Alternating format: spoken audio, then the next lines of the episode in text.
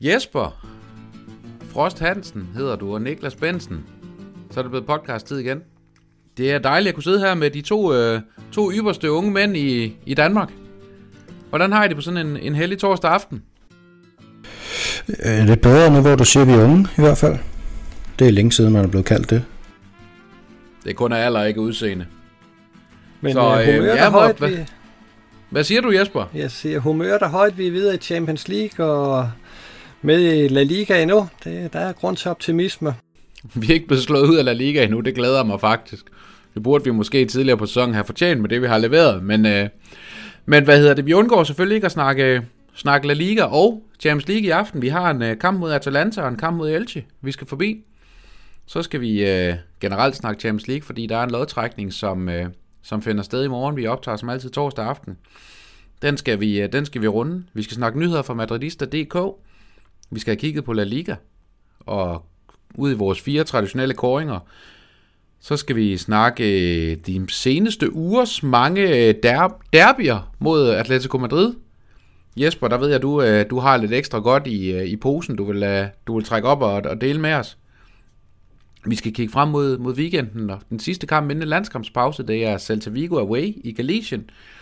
Så skal vi sørge mig også for min lille bitte overraskelse, jeg har planlagt til jer. Så, øhm, så det, kan I, øh, det kan I glæde jer til. Det er noget med, med ølstafet og nøgenløb, så har jeg ikke sagt for meget. Så jeg synes, vores lytter skal være glade for det her, det udkommer på lyd i øvrigt.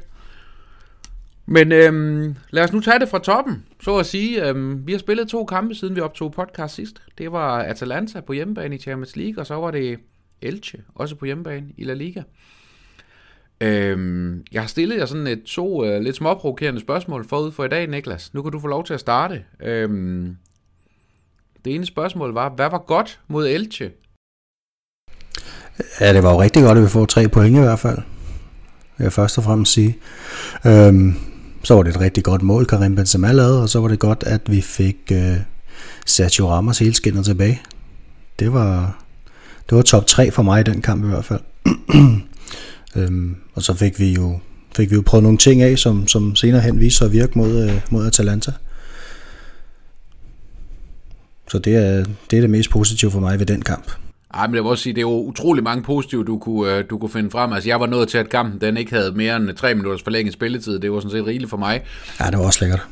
Øhm, Jesper, øh, hvad var det værste ved kampen mod Atalanta, kan jeg så omvendt spørge dig om? Og det værste, det var vel næsten, at øh, Vinicius ikke skruede på den øh, tur, han tager fra en banehalvdel og, og når helt ned til mål, men inden han sparker den ved siden af. Det kunne man godt have ondt ham, for han, han har brug for at få lidt stolt ben nu, i stedet ja. for slet ikke stoppe, men bare ud.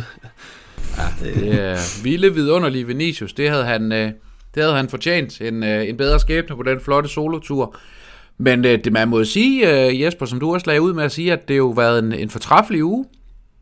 Det har været trods alt på, kan man sige, pointhøsten har været det fuld, fuld gevinst over hele linjen. Øhm, en lidt hårdt tilkæmpet sejr over Elche, skal vi vel være ærlige at sige et eller andet sted, uden at vi, vi normalt, altså øh, sådan skal underkende vores præstation mere end højst nødvendigt. Det klarer spillerne rigeligt selv.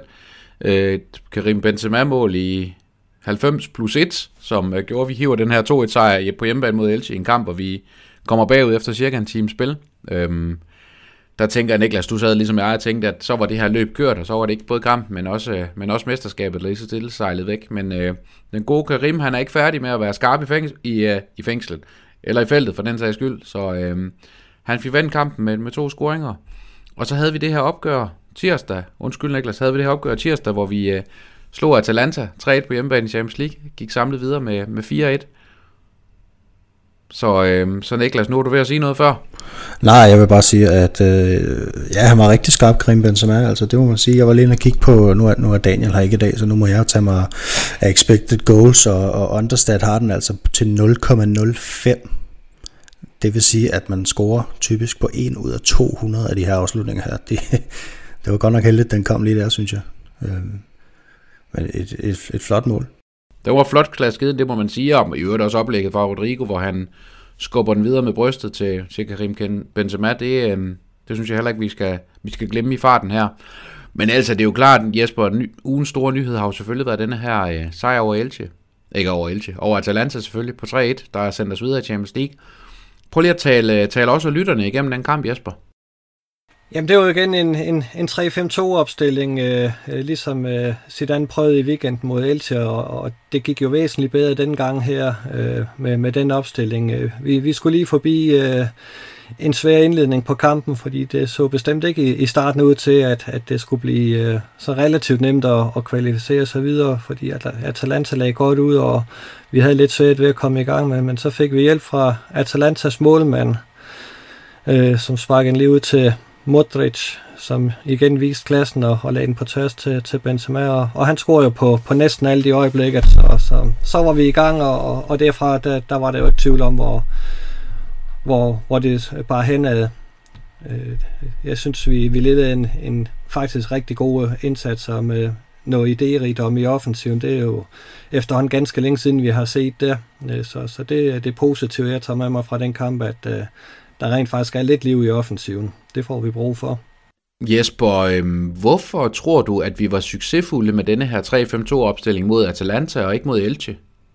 Øh, jamen, det tror jeg, øh, at vi var, fordi den, den opstilling ligger nok lidt bedre til et hold som Atalanta, som, som gerne vil, vil frem os. Øh, øh, den, den er måske ikke så anvendelig mod et, mod et hold, der, der pakker sig lidt, men Atalanta spiller jo frisk til, og det, det giver noget plads til, at, at vores kanter kan komme med i spillet. Det, det var der lagt op til med, med Lucas Vazquez og, og Ferlang Mandi, at, at de skulle have lidt øh, på fløjen. Så, så måske ligger den her øh, opstilling i virkeligheden bedre til, til hold, der selv vil noget på, på banen, øh, frem for hold, der står øh, dybt og pakker sig. Niklas, øh, denne her øh, sejr over Atalanta, som vi, vi hævde hjem på udebane i Bergamo på 1-0, øh, der var den store fortælling jo bagefter, at vi spillede det meste af kampen i overtal, og det egentlig var grunden til, at vi var vi var kommet derfra med tre point. Nu kan man, eller med, i hvert fald med en sejr selvfølgelig, nu kan man sige, at kampen her tirsdag aften, der spiller vi 11 mod 11. Øhm, det gjorde ikke den synderlige forskel, at øh, Atalanta fik lov til at være, være alle spillere på banen i samtlige 90 minutter. Nej, det gjorde, det gjorde stort set ingen forskel. Øhm, og, det var jo heller ikke fordi, at vi skulle ride en storm af i den første kamp, inden de fik det røde kort, som man måske lidt kunne have frygtet. Øhm, og det kunne man også godt have frygtet i den her kamp, når nu Casemiro var ude, men men øh, våbnet mod Atalanta viste sig jo sådan set bare at være super sikker boldomgang. Øhm, og så tog man stille og roligt brøden af dem. Øh, Kroos, Modric, Benzema øh, lå meget, meget tæt sammen i løbet af hele kampen og kunne faktisk finde hinanden konstant. Øhm, lok, lok lidt Atalanta-spillere til, og så var Vinicius ellers stukket i dybden, og, og han kunne det altså ikke fange. Så, så taktik, den, øh, den sad altså lige i skabet. Begge, begge kampe faktisk fra, men, fra men, men, men er det også fortællingen om, at vi igen igen er bedre mod de, de store hold, så at sige, end vi er mod, mod de der hold, som, øh, som tillader sig at pakke sig lidt, Niklas? Eller, eller er det stadig lidt tilfældigt, eller for, for spænkeligt grundlag at begynde at drage den slags konklusioner? Nej, det, det, det, det synes jeg egentlig ikke. Jeg synes, at øh, sæsonen har vist, at, at Real Madrid kan, kan slå alle hold, men de kan så sandelig også tabe til alle hold. Øh, og det er også derfor, at man ikke skal skal afskrive os i, i Champions League nu, selvom der er, er hold, der er meget bedre end Real Madrid, der stadig er med. Så, så, så kan vi også godt slå dem på en god dag. Jesper, øh, denne, her, øh, denne her sejr over, over Atalanta, altså, den kommer jo, kommer jo i, stand, i stand med den her 3-1 øh, 3-1 øh, sejr hedder det selvfølgelig, øh, hvor vi kommer foran 2-0, så får Modial scoret, og så scorer Asensio nærmest, øh, jeg tror 45 sekunder efter Modials reducerende scoring. Øh, den her sikkerhed, vi viser, som Niklas er inde på, på bolden, og generelt, så, så lader vi os ikke ryste øh, på noget tidspunkt. Øh, hvad, hvad, hvad tror du, der er forskellen fra Real Madrid i Champions League og Real Madrid i La Liga, hvor, hvor bare vi er tæt på at komme bagud, så virker det til, at vores spillere de falder, de falder lidt i troen på sig selv? Ja, der er jo et eller andet med, med Real Madrid og Champions League, øh, øh, at, at de to, de bare, de bare hænger sammen, og der generelt leveres udmærket indsatser i den turnering, også selvom vi er, vi er op mod nogen, som, som i øjeblikket er bedre end os øh, sidste sæson med Manchester City. Der var det ikke, fordi vi blev spillet baglæns ud. Øh, vi, vi begik nogle dumme fejl, og, og, og det var i, i grund det, der, der gjorde vi røg ud der, men, men, men vi var jo ikke overmatchet på nogen måde, øh, og, og Real Madrid... Øh, i, i Champions League er bare en, en helt anden størrelse end, end i La Liga. Det, det, det er de her knald- eller faldkamp. Der er et eller andet i spillerne, der, der tænder op under dem. Men, men, men, men er det så simpelt, Jesper, at, at det i virkeligheden bare er et spørgsmål om, at den der Champions League-hymne, den, øh, den gør noget ved spillerne? Er, er det virkelig bare det? Ja, så, så er det jo nogle hold, øh, øh, hvad hedder det, som på et eller andet tidspunkt skal frem over banen, fordi øh, hvis de vil videre, så, så skal der jo scores nogle mål i de to kampe, øh, at, at der bliver spillet. Øh, altså et hold som, som Elche øh, kan jo godt øh, være glad for at, at, at tage fra, hvad, øh, hvad hedder det, det Stefano øh, med, med uafgjort, eller, eller forsøge at svare, forsvare en, en, øh, et resultat hjemme der fordi de har 37 andre kampe, hvor, hvor de kan hente nogle point, men, at, men i Champions League, der, der er det jo overstået, hvis ikke er, at øh, man, man kommer frem og får lavet nogle mål selv, så, så typisk er holdene jo lidt mere interesseret i at, at spille med. Niklas, øh, det her som, som Jesper rigtig nok siger, og som du også er inde på, det her med, at vi var gode til at iscenesætte særligt, øh, særligt Vinicius her, her mod Atalanta. Øh, var det Vinicius' sande niveau, tror du? Altså det vi så der, eller, eller var det en... Øh, var det en, øh, en hvad hedder sådan noget, en, en egentlig smuk sval på himlen, så og skal vi fra på lørdag igen se en, se en Vinicius, som ikke kan, som ikke kan tage to, øh, to boldberøringer rigtigt? Eller hvor, hvor ligger vi henne på den store, på den store skala? Øh, ja, vi har jo før snakket om, at det, at det gik fremad med ham, men, men vi, jeg tror ikke, vi skal regne med, at det bare går, går op i raketfart fra nu af. Altså, der, der vil nok stadig være tilbageskridt, men, men han er helt klart en spiller, som jeg tror på, i hvert fald. Øhm, og ja, det, man kan jo sige det med mange spillere, men, men det der med, når, hvis, hvis han en dag finder sin afslutning, så er han jo fuldstændig ustoppelig. Altså, så, så, så skal han jo ikke byttes for nogen. Det er jo sådan en type spiller. Altså, det er jo så god, han, han er en mod en. Der er jo, altså, jeg, jeg er ikke sikker på, at jeg kan nævne en spiller i, i verden lige nu, som, som en bak egentlig bør være mere bange for at stå overfor. Altså, man har jo ikke en chance, når han har sådan en dag, som han havde i, i tirsdags. Øhm, så jeg håber, det er, at vi får flere af de kampe at se, og jeg håber, at det, det, det ligesom er et skub for ham, at, at, at, at, øh, at han fik den her præstation, og at han mærker både folket og, og sine holdkammeraters, holdkammeraters støtte øh, efter den her kamp, øh, som blandt andet Sergio Ramos har været ude med. Jamen, øh, og, nu, og nu er jeg jo simpelthen så glad for, at du siger det her med, at han ikke skal byttes for nogen, Niklas. Øh, du øh, delte jo i dag i den her interne tråd, som vi har refereret til nogle tidligere gange i, i podcasten, et, øh, et, et smukt, øh, en smuk udtalelse, der var kommet i et, øh, på et spansk tv-program, øh, Chiringuito, tror jeg det hedder. Øh, her den, øh, ja, jeg ved ikke engang, om det var i aftes, Niklas. Jeg ved ikke, om du lige vil, øh, vil prøve at fortælle, hvad det gik ud på. Og, men det er jo ham her, øh, fuldstændig vanvittig journalist, der hedder øh, Josep Pedrerol, så vidt jeg husker, som øh, er meget reaktionær øh, og går, går ud lige efter kampen og siger, at, øh, at, at hvis, øh, hvis Real Madrid vil tilbyde penge plus Vinicius for Mbappé, så siger jeg nej, siger han. Øhm, og det, det kan jo nok være op til diskussion, men som det ser ud lige nu i hvert fald. Øhm, I hvert fald, men det, det, det har da helt sikkert fået nogle reaktioner i hvert fald. Ja, man må sige, det, det, det vender hurtigt i dit sportsverden, som du også var inde på, Niklas. Der skal ikke, der skal ikke meget til, før man bliver bedre end Mbappé, åbenbart. Nej, nej det er jo en time efter, efter kampen slutter, eller sådan noget. De, de plejer at sende et minut over midnat med nogle fuldstændig sindssyge, øh, sindssyge programmer derinde. Det, det, det er ret underholdende til tider. Jesper, du sidder, du sidder småklukker lidt. Ja, men det er jo rigtigt. Det er et, et, et sindssygt program, øh, hvor, hvor der virkelig bliver gået til stålet, og, og hvor folk de bliver smidt ud for, for et godt ord. Og, så så der, der, hvis, hvis man vil høre øh, sandheden, så skal man bare slå, slå op der, og så får man den øh, ufok, eller den, den lange version. Det, det, er, det er et vildt program. Mere underholdende end egentlig seriøst. Det er, øh, det er stor tv-kunst. Det tror jeg alle tre, vi kan, vi kan blive enige om. Øh, han er en, en herlig fyr, og også værd at følge på, på Twitter, hvis man er til den slags. Øh, der er han også, øh, også god for både øh, katalanske stikpiller og alt muligt andet godt, øh, den kære Pedrol, så, øh, så han, er, han er anbefalesværdig. Men, øh, men vild kommentar, Niklas. Øh, jeg tænker ikke, du bare er enig, men, øh, men om ikke andet, så, øh, så må man sige, at Vinicius han spillede en, spillede en fantastisk kamp, og og trækker det her straffespark, som, øh, som Ramos han meget køligt sætter ind.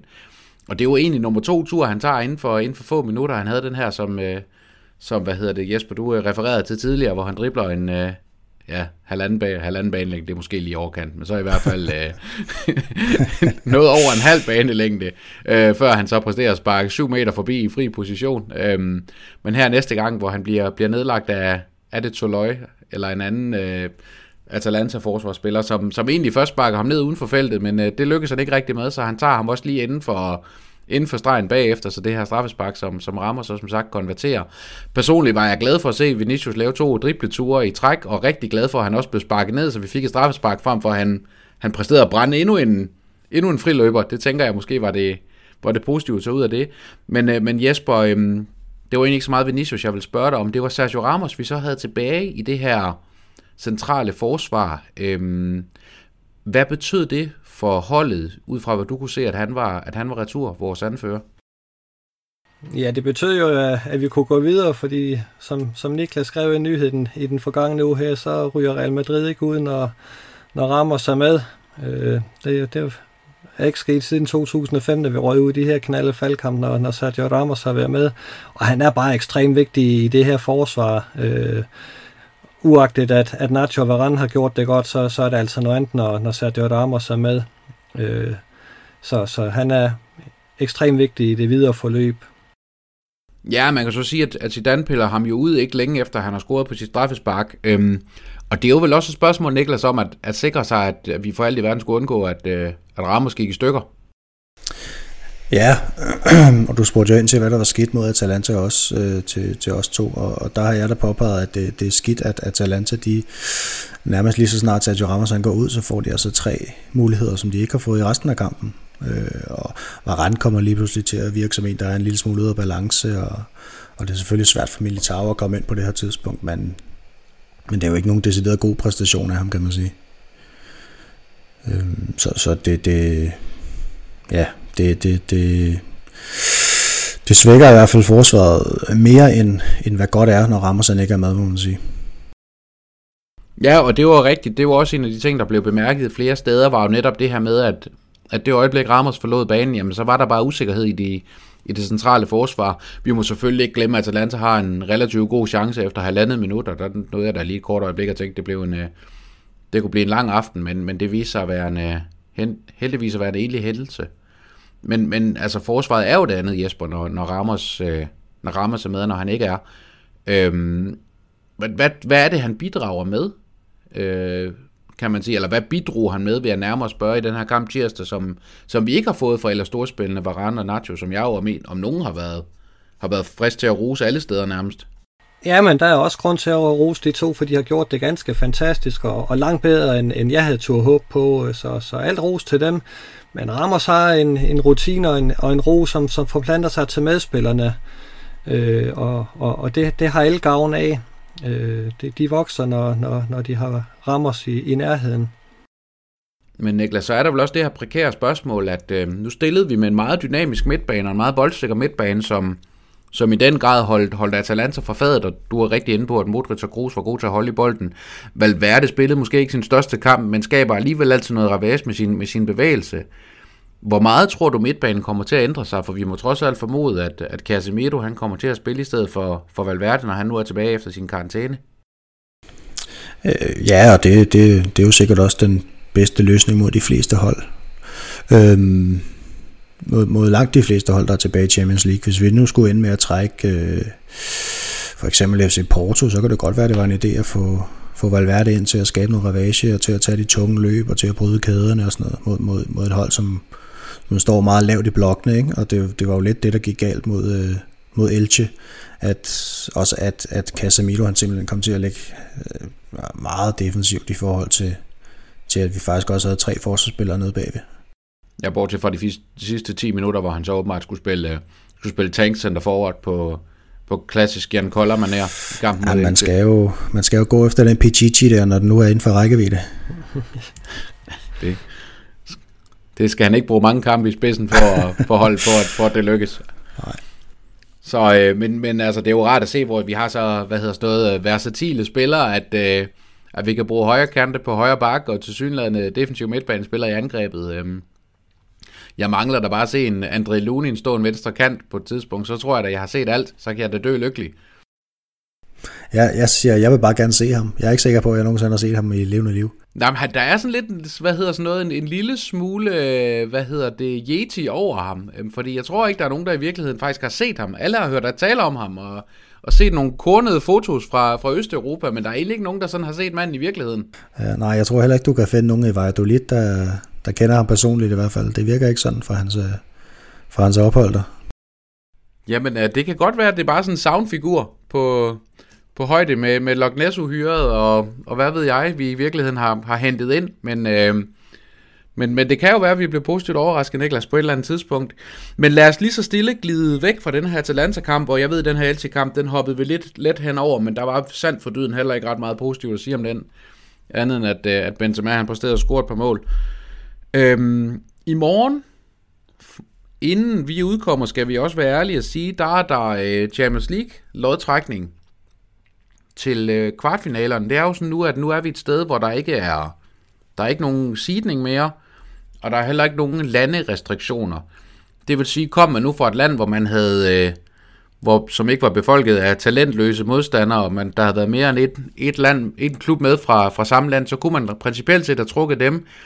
Det slipper vi så for i indeværende år. Øhm, der er et portugisisk hold tilbage, FC Porto, som du refererede til, Niklas. Så er der nul hold fra Italien, det synes jeg også lige, vi skal, vi skal bemærke lige så stille. To tyske hold, Bayern München og Dortmund.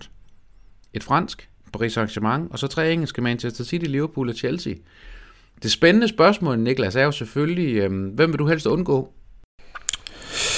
Så vil jeg nok helst undgå Bayern München, fordi de er det bedste fodboldhold. Simpelthen. Hvad med dig, Jesper? Ja, Bayern München og Manchester City vil jeg godt undgå lige, lige nu, fordi City er, er godt kørende i øjeblikket, og, og de virker mere modne. Øh, det ved jeg godt, det har man sagt det en del over, at, at nu er de så modne, så de kan vinde Champions League, men, men de ser rigtig godt kørende ud lige nu, så, så kunne man undgå dem, så vil det ikke gøre noget i forhold til vores øh, chancer i, i det videre forløb. Men, men nu har vi også lige snakket, bare lige for at, at stikke en lille smule til jer, om at vi har det bedre med hold, der godt vil spille frem af banen, end, end hold, som måske pakker sig. Så hvordan kan det være en fordel ikke at trække øh, hvad hedder det, eller hvordan kan det være, at du ikke allerhelst vil undgå at møde FC Porto, Niklas? Det er så, fordi det er det dårligste hold. øh, jamen, jeg så også, jeg så også begge kampene mod Juventus, og ja, de løber måske mange meter, men, men, men de er altså ikke særlig gode. Det må jeg bare sige, de forsvarer ikke særlig godt. Faktisk øh, i de kampe der, de angriber heller ikke særlig godt. Det, det er jo... Altså, det er meget Juventus egen skyld, at de ikke går videre fra de kampe der. De, de havde alle muligheder, så jeg, jeg vi bør ikke få problemer mod FC Porto, vil jeg sige. De, de, de er simpelthen på et lavere niveau end, end resten af de hold, vi kan trække. Er du enig, Jesper, også ud fra den, fra den betragtning, at, at Porto trods alt vil være det hold, der vil, der vil stå mest defensivt, som vi og nogen har præsteret at vise, at det kan vi ikke finde ud af at åbne? Jamen, jeg ved ikke, hvor, hvor defensivt øh, at de vil stå. De, de kan jo også godt lide at, at, at spille fodbold. Øh, og vi må også bare kende i, i den her Champions League turnering, der er altså nogle, nogle hold, som, som er lige et tand stærkere end, end Real Madrid er, er i år. Øh, så så det, det kan blive ganske vanskeligt, øh, hvis vi ryger ind i, i Bayern München eller Manchester City, som vil er de to stærkeste hold øh, i, i, af, af de tilbageværende. Øh, det, det kunne godt være, at de var lettere at have med at gøre over en kamp i, i en final, hvis, hvis vi kunne drømme os derhen, end øh, de er over to kamp. Hvad med et hold som, øh, som Paris Saint-Germain, Niklas, som, øh, som udklasserer Barcelona endda i kampe, hvor de har hverken har Neymar eller Angel Di Maria med? Ja, det er jo også et af de hold, man, man gerne vil undgå, vil jeg sige. De øh, har både stor fart og boldsikkerhed og, og, og sådan set gode spil over hele linjen, og hvis vi, hvis vi render ind i dem, så kunne jeg godt frygte, at det blev sådan en, øh, hvis man kan huske Liverpool for en 12-13 år siden, hvor vi fik en røvfuld, røvfuld på 4-0 af et hold, som simpelthen var, var hurtigere end vores og stærkere end vores. Øhm, det, det, det er jo, der er jo, de er jo enormt dynamiske, Paris. Altså det, det kan blive virkelig svært. Det, vi har bare ikke... Ja, så skal vi være klogere end dem i hvert fald, men de har jo også efterhånden noget rutine, og Neymar og Mbappé har de to af verdens bedste fodboldspillere op foran, så det, det, det, det, dem, dem er jeg heller ikke specielt stor fan af at skulle møde, vil jeg sige. De, øh, de ligger lige under Bayern og City for mig, i hvert fald. Men, men Jesper, det der med dynamisk fodboldhold, som Niklas er inde på, det var vel reelt set det samme, måske lidt mindre målestok, vi mødte mod, mod Atalanta, som jo også er et hold, som er, som er glad for overfaldsfodbold. Men fordi vi trods alt har de her boldsikre spillere på, på midtbanen, jamen så bliver det aldrig rigtig farligt. Vil vi ikke kunne gøre det samme mod Paris, eller mod City for den sags skyld, og holde i bolden?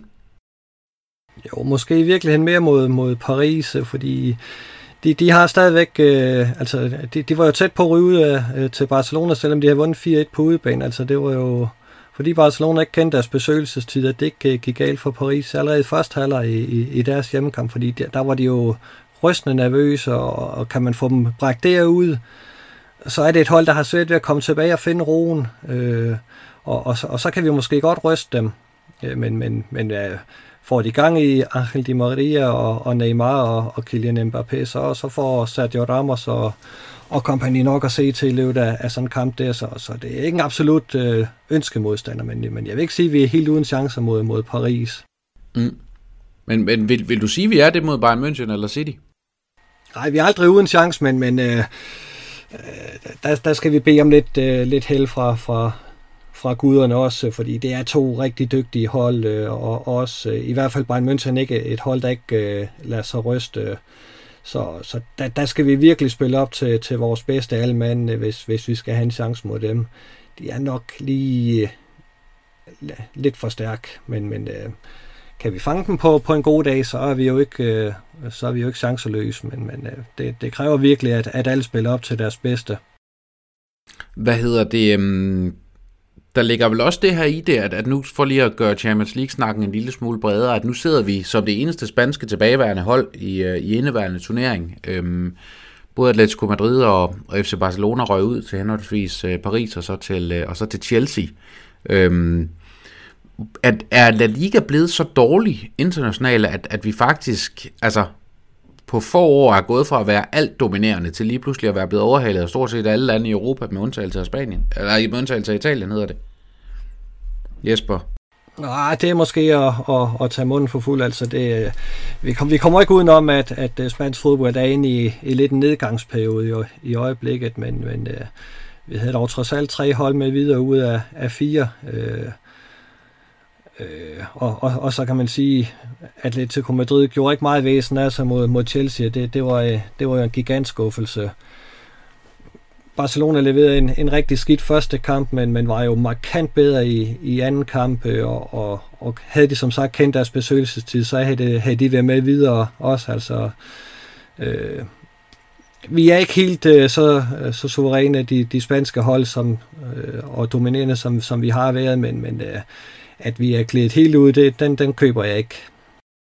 Niklas, øh, hvad hedder det? Øh nu står vi så som eneste tilbageværende spanske hold. Det er for første gang i, i tre sæsoner, vi er gået videre fra, fra 8. delsfinalen. Øhm, hvad er forskellen fra den gang og, og til nu?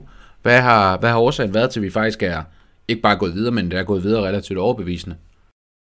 Det er et godt spørgsmål. Øh, Sergio Ramos er med igen.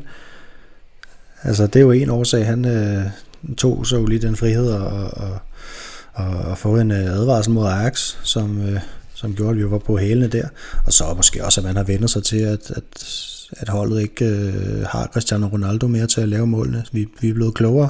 Det blev vi sådan set i foråret øh, i sidste sæson, hvor at, at fokus for alvor skiftede øh, til at have det stærke forsvar frem for at prøve at, og score rigtig mange mål, fordi det, det kunne vi ikke finde ud af, men, men vi er ret gode til at lukke af.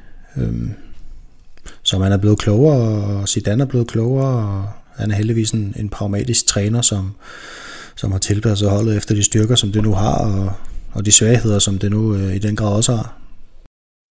De her syv andre klubber, Jesper, som jo så er tilbage ud over os, øhm, hvad tror du, de tænker, når de kigger på, på Real Madrid og udsigten til muligvis at score op imod dem i, i Champions League?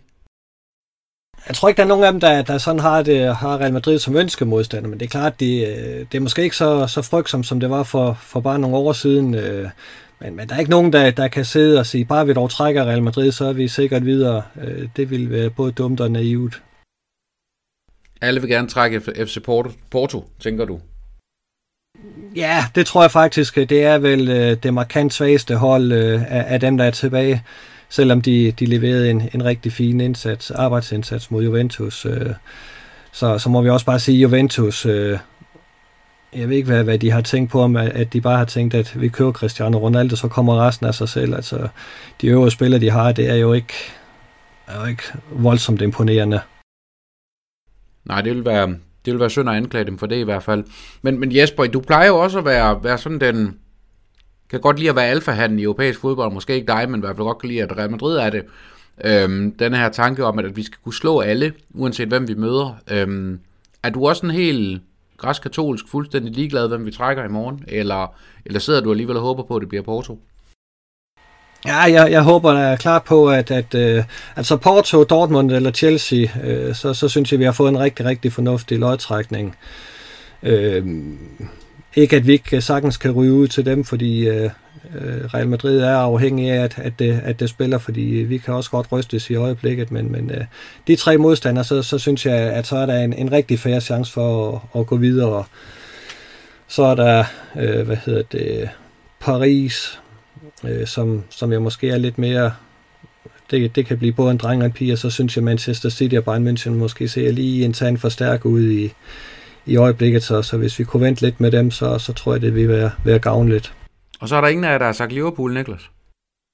Øh, nej, det er jo super skidt kørende i Premier League, men, men man har før set hold have, have dårlige ligasæsoner, og så levere noget i Champions League. Det har jo været forholdsvis sikkert fra dem, så jeg kunne godt forestille mig, at de blev farlige. Øhm, men men det, det er ikke et af de hold, jeg frygter allermest, Liverpool.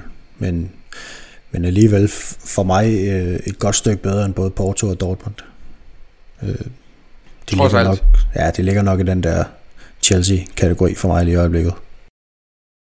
Jesper, vil du, øh, vil du supplere med et eller andet? Ja, det, det, var, faktisk, det var faktisk det hold, jeg glemte ikke, hvordan Søren jeg dog kunne glemme det. Det er hold det.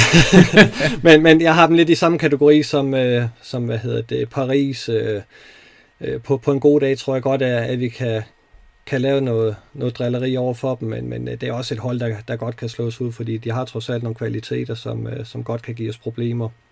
Mm. Ja, ja men, men Niklas, hvad er, hvad er Real Madrid's store force i forhold til at kunne gå hele vejen, tænker du? Ja, vi har prøvet det før. Altså, vi, vi har spillere, som har vundet den her turnering øh, flere gange end mange af, de, mange af de andre, de har deltaget i den. Øh, så, så, så det er jo noget, vi har prøvet før, og vi ved, hvad der skal til øh, for at vinde de her turneringskampe. Og, og, og, og så i, i den her turnering, der er modsat det, som vi så fra Paris mod Barcelona for eksempel, så er Real Madrid bare sindssygt svært at ryste i den her turnering. Altså, det, folk har før prøvet, men, men, men det er svært at lykkes med. Det, vi, vi, er bare, vi er bare svære at slå, altså når det kommer til Champions League, simpelthen. Jamen, og det er vel også svært at forestille sig, at Real Madrid, Jesper, falde sammen, som, som Barcelona har gjort, jeg ved ikke, 8-9-10 sæsoner i træk efterhånden, og ryge ud med et brag til, altså med, med gigantiske nederlag. I år 4-1 på hjemmebane, året før 8-2 var det vel til, til Bayern München i, i kvartfinalen, ikke, og så videre. Altså, jeg har været perso- personligt svært ved at se Real Madrid gentage den slags øh, manøvrer, og nu kan jeg selvfølgelig ende med, at jeg, jeg kaster mod et land, der, som rammer mig i ansigtet som en, som en skovl om et par uger, men, øh, men mund dog.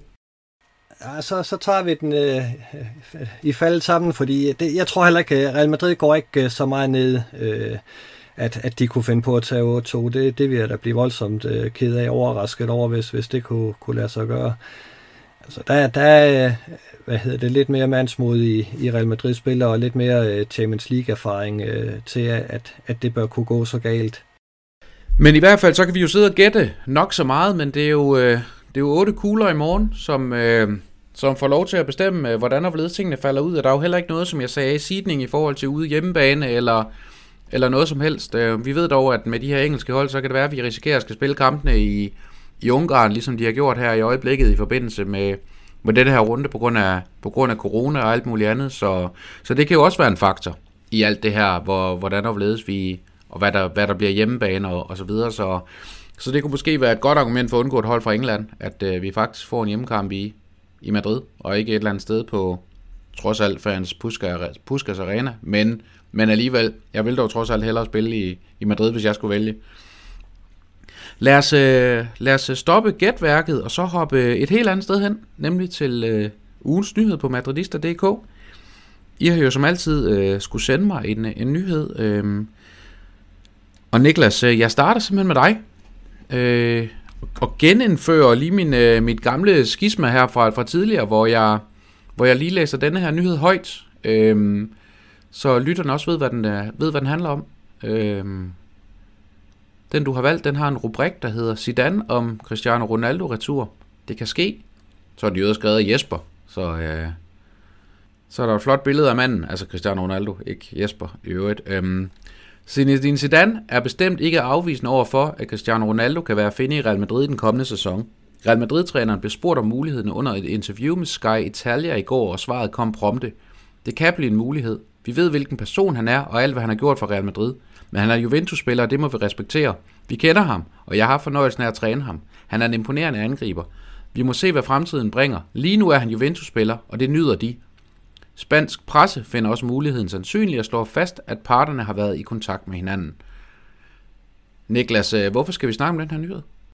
Det skal vi nok, fordi at jeg tænker, at det er øh, usædvanligt, at, at Real Madrid på den måde går ud og kommenterer på spillerrygter og rent faktisk bekræfter dem.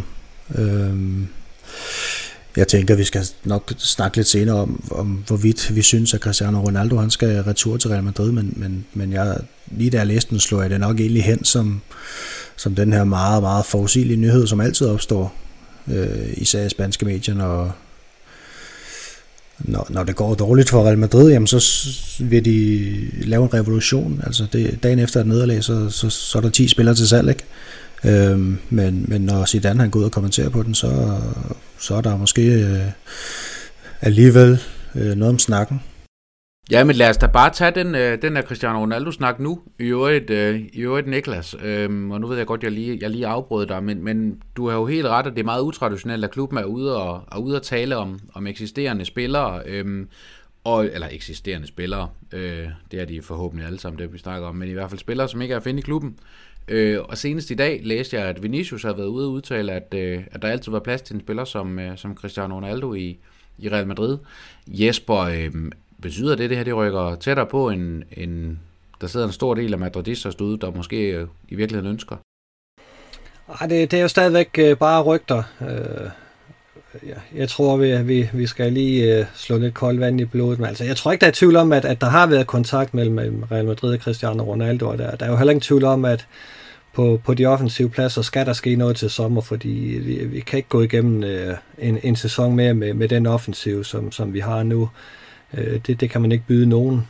Øh, så, så et eller andet kommer der til at ske på, på angrebspladsen, og øh, så, så tror jeg, det kommer til at afhænge lidt af, hvordan øh, at finanserne ser ud til sommer. Øh, øh, går man med, med Cristiano, eller, eller øh, satser man hele butikken og, og henter Haaland og eller Kylian Mbappé, øh, det, det, er, det er nok lidt der, man, man kigger lidt på, hvad, hvor, meget, hvor meget kan vi egentlig købe, og hvor mange, meget slåskamp skal vi have med de klubber, der skal sælge. Men, men, men det er vel også rigtigt, Jesper, at, at slåskampen med Juventus ser umiddelbart ikke ud til, at den bliver så forfærdelig vanskelig endda. Og senest jeg hørte, så var det en pris på omkring 30 millioner euro, som, øh, som de efterspurgte for at hente, øh, altså for at ville sælge, hedder det selvfølgelig Cristiano Ronaldo. At, altså, er det så billigt, at det næsten ville være dumt ikke at gøre det? Ja, det, det er jo lidt et, et quick fix, altså, fordi det løser et, et her-nu-problem, men, men på den lange bane er det jo ikke den vej, vi skal gå. Øh, altså, der, der, der er det jo Haaland og Mbappé, der er interessante øh, fordi de lige har 10 år mere øh, på, på karrierestigen, end, end øh, Cristiano Ronaldo trods alt har, selvom han ikke ser ud til at stoppe lige med det først. Så øh, Cristiano Ronaldo kan her nu gå ind og, og løse et, øh, et problem, men, men jeg tror også, vi skal passe på, at vi ikke øh, bliver for, for romantiske og husker, hvem han var for, for Real Madrid, og, og så bare regne med, at vi får det tilbage. Noget vil han, han selvfølgelig kunne løse, men, men øh, Øh, det, det behøver ikke at betyde, at vi vinder Champions League tre år i træk igen, fordi han kommer tilbage. Niklas, øh, hvor meget vil det forpur i forhold til at hente Mbappé Holland, hvis vi henter Cristiano Ronaldo, tænker du? Øh, ja, temmelig meget, tænker jeg. Øh, han, det kan, nu, nu kan der godt være, at overgangssummen så kun bliver i omegnen af 30 millioner euro, men han skal jo have det samme i løn.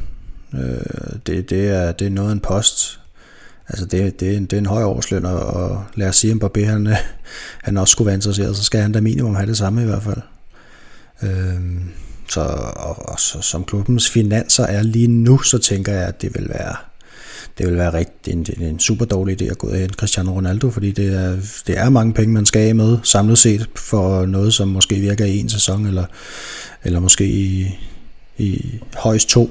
Øhm, så, så for mig vil, skal jeg bare sige altså, mange tak for indsatsen til Cristiano Ronaldo, men men jeg synes, det ville være en dårlig idé at hente ham tilbage igen. Det er jo, det er jo, ikke, det er jo heller ikke 2015 Cristiano Ronaldo, vi får tilbage. Det er noget mere stationær spiller.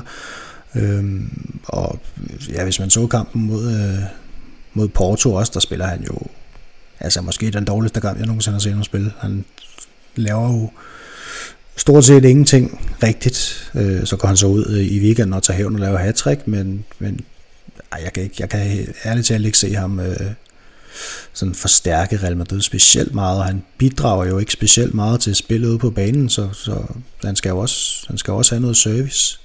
Øh, og hvor skal det næsten komme fra, ikke? Men, men, men, men er vi der, hvor altså en spiller som Vinicius også i øjeblikket er bedre end Cristiano Ronaldo, Niklas? Eller? Det er jo meget, det er i hvert fald to meget forskellige spillere, men det, ej, det ved jeg ikke. Altså, så, så skal han jo lægge nogle mål på øh, Vinicius, det bliver han nødt til. Altså jeg kan fortælle, at portugiseren har i år spillet på tværs af alle turneringer 41 kampe og scoret 34 mål.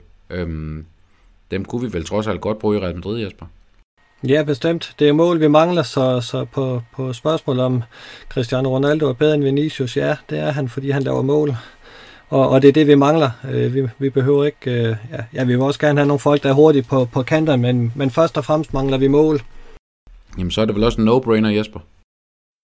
Ja, det er det. Hvis, hvis ikke der er andre muligheder, så, så er, er det Cristiano Ronaldo, vi skal gå efter, fordi et eller andet skal der ske på, på den der angrebsplads. Og, og jeg, jeg tror ikke på, at, at uh, Jovic og Borja Majoral kommer tilbage og, og laver det antal mål, som Cristiano Ronaldo kunne. Uh, så så hvis ikke, at, at der er andre muligheder, så øh, er, er Cristiano Ronaldo bestemt interessant, men, men jeg synes ikke, at man skal lukke øjnene for alt andet, og så bare gå øh, udelukkende efter ham. Der skal lige holde lidt øje med, hvad der sker rundt omkring.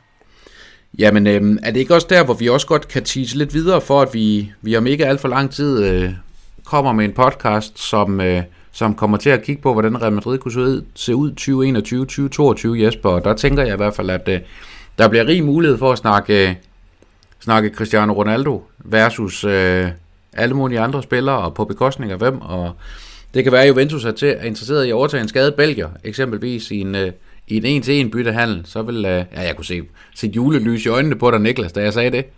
Ja, så, så må han meget gerne komme tilbage. Og man ved, at et Hazard blusser op og bliver en verdensstjerne stjerne Juventus, hvis det sker overhovedet ikke bliver skadet den resterende tid af sin karriere, lige snart han har forladt Madrid. Ja, men så, det, det kan jeg godt undre ham. Det... men øh, så jeg tænker, det der Cristiano Ronaldo snak er vi ikke helt færdige med nu, Jesper. Det er vi for i dag, men øh, jeg tror, den, er, jeg tror, den vender tilbage. Den dukker op igen, det kan der ikke være tvivl om. Men øh, så, lad os, øh, så lad os tage dig. Øh, Jesper, du har jo også sendt en nyhed. En nyhed, du i øvrigt selv har skrevet. Ja, det beklager jeg.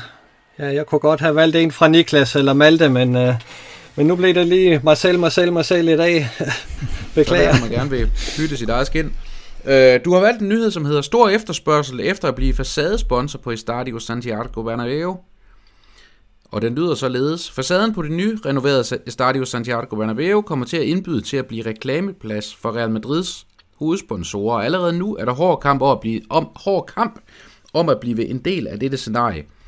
Facaden vil nemlig blive en gigantisk videoskærm, hvor man både kan vise videoklip fra klubbens historie, samt altså vise reklamer og skifte farve, alt efter den stemning, man ønsker at, om, man ønsker at anlægge omkring stadion. Allerede nu skal flere sponsorer have rettet henvendelse til Real Madrid for at forhøre sig om priserne på at få sin reklame op på facaden på, på Estadio Santiago Bernabeu. Adidas og Fly Emirates er to af de helt store sponsorer for Real Madrid, som er afgørende i forhold til marketing – men herudover har man følgende sponsorer også, og så kommer der en lang liste med 22 i alt, som jeg skal, skal spare lytterne for, øhm, samt 10 for, for basketballholdet.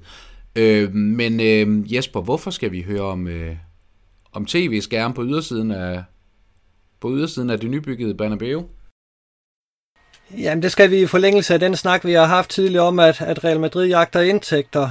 Øh, og, og så synes jeg bare generelt, at, at det her stadionprojekt er så vanvittigt spændende, og, og, og den her tank med, at, at man ikke... Øh, sælger sit stadionnavn og kommer til at hedde Fly Emirates Bernabeu, øh, og, i, og i stedet øh, simpelthen bruger den her store aluminiumsfacade, man får til at, at vise reklamer, øh, at det, det er genialt tænkt. Øh, det vil jeg umiddelbart tro, der kan ligge rigtig, rigtig mange penge i, at man, man får sit øh, firmanavn op og hænge på, øh, på, på det her stadion, som, som kommer til at blive ikonisk, øh, øh hvad hedder det, endnu mere end det er i forvejen. Jeg synes, de planer, der er med det her stadion, det er, det gør, at det, det bliver et, et helt særligt stadion øh, på, på verdensplan, fordi der er ikke andre stadions, der, der har så mange visioner, som, som det her stadion har, øh, synes jeg. Øh, så så, så det, det er en rigtig spændende tid, vi går i møde, og, og øh, jeg tror da godt, vi kan love, at vi på Madridist.dk følger hvad hedder det, de planer, der er med det, for at få det lagt ud, fordi det, det kan vi se, det, det er noget, der interesserer rigtig mange. Men, men Jesper, betyder det også, det du siger her, at, at den der frygt for, at at Bernabeu kommer til at skifte navn, er den lagt endegyldigt i graven? Der er jo ikke noget, der, der hedder endegyldigt, men, men øh, det, det er ikke øh, den plan, at Florentino Pérez vil hive frem som det første. Det har han jo sagt flere gange, at, at Estadio Santiago Bernabeu hedder Estadio Santiago Bernabeu, men, men, men man kan jo godt lege lidt med, med de muligheder, der ligger i, at, at man nu får den her øh, aluminiumsfront, der, der giver mulighed for at lave den her kæmpe store videoskærm at det kan være en, øh, det kan være en alternativ måde at komme omkring det på, og det vil da være, ja det ville da være dejligt, og det synes jeg altid, det er glædeligt, når fodboldstadion stadig hedder det, de, det de hed engang. Øhm, hvad er der efterhånden en to-tre alliancer arenaer rundt omkring i Europa eksempelvis. Øhm, det synes jeg da bestemt ikke, vi skal blive en del af den statistik øhm, på nogen måde, men øh, det er selvfølgelig min egen personlige holdning. Yes, øhm, Daniel hedder du. Niklas hedder du. Hold kæft, man, det er fordi, I ligner hinanden, jeg to. Det stikker helt af, det er. I ligner hinanden alle tre. Nå, øhm, Niklas, vil jeg sige. Øhm, det her med den her måde at skabe måske yderligere indtægter på for, for Real Madrid, end, øh, end det vil have været med en enkelt reklame. Hvad, hvad tænker du om det? Ja, øh, jamen det er jo, det, jeg synes jo, det er et vanvittigt fedt projekt, at, at de har gang i, og der er, er jo forretningsmanden Florentino Pérez, der, øh, der gør noget genialt igen, øh, tænker jeg. Det, ja, jeg ved ikke, om det kommer til at være Madrids egen Times Square, eller hvad der er meningen, men, men, men, men det, jeg synes, det, det er en god måde at omgås den der eller et, et tab af, af klubbens identitet på en eller anden måde, eller en del af klubbens identitet, ikke? At, at man undgår det. Øhm, og, og i stedet går ud og er proaktiv og rent faktisk selv bestemmer. For det første, hvad man vil vise, og, og, og, og stadig øh, gå ud og vise, at det er fodboldklubben først og, og forretningen bagefter. Jeg, jeg er stor fan af løsningen, det må jeg sige. Ja, men det bliver spændende at se det udfolde sig, som, som du rigtig nok siger, Jesper, så er det noget, vi nok skal, skal følge rigtig meget op på fra Madridista.dk's side på, på både den ene og den anden fasong. Lad os ja, øh, lad den her hvad siger du, Jesper? Jamen, jeg sætter bare lige og siger, at vi, vi kunne da lave, lave den aftale med vores bror, vi på et tidspunkt laver en live podcast øh, direkte fra facaden på Estadio Santiago Bernabeu. Der. Jeg tænker, at Real Madrid selv kontakter os og, og spørger, om ikke det var en mulighed, vi vil være med til der. Nå, jeg tror du mener, at vi vil øh, investere penge i at komme på facaden øh, på tv-skærmen som reklame?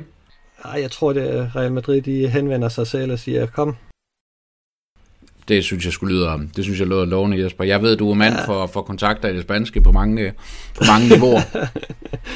vi arbejder på sagen, skal vi sige det. en WhatsApp-gruppe med Florentine Peters og, og Ronaldo og Laporta. Så I, I har vel sådan en fælles gruppe, hvor I udvikler spydigheder, kunne jeg forestille mig. Så det kan du da med de om, i øvrigt også. og Jenny. Men øhm, hvad hedder det? Øhm, lad, os, øh, lad os hoppe væk fra madridista.dk og så glide over i, øh, i La Liga generelt. For en god ordens skyld, så øh, gennemgår jeg lige øh, resultaterne fra seneste weekend, øh, inden vi kigger på El Krak, og El Dandi og El Valladolid og El Duro. Øh, vi lavede ud fredag aften med et valenciansk, valenciansk drama. Levante slog, øh, Levante slog øh, Valencia med 1-0. Jesper, det øh, er jo altid, det er jo altid positivt og, og glædeligt hos dig. Øh, men er det ikke også i dag, vi lige skal, skal kippe en lille smule med fladet for, for flagermusene fra Valencia?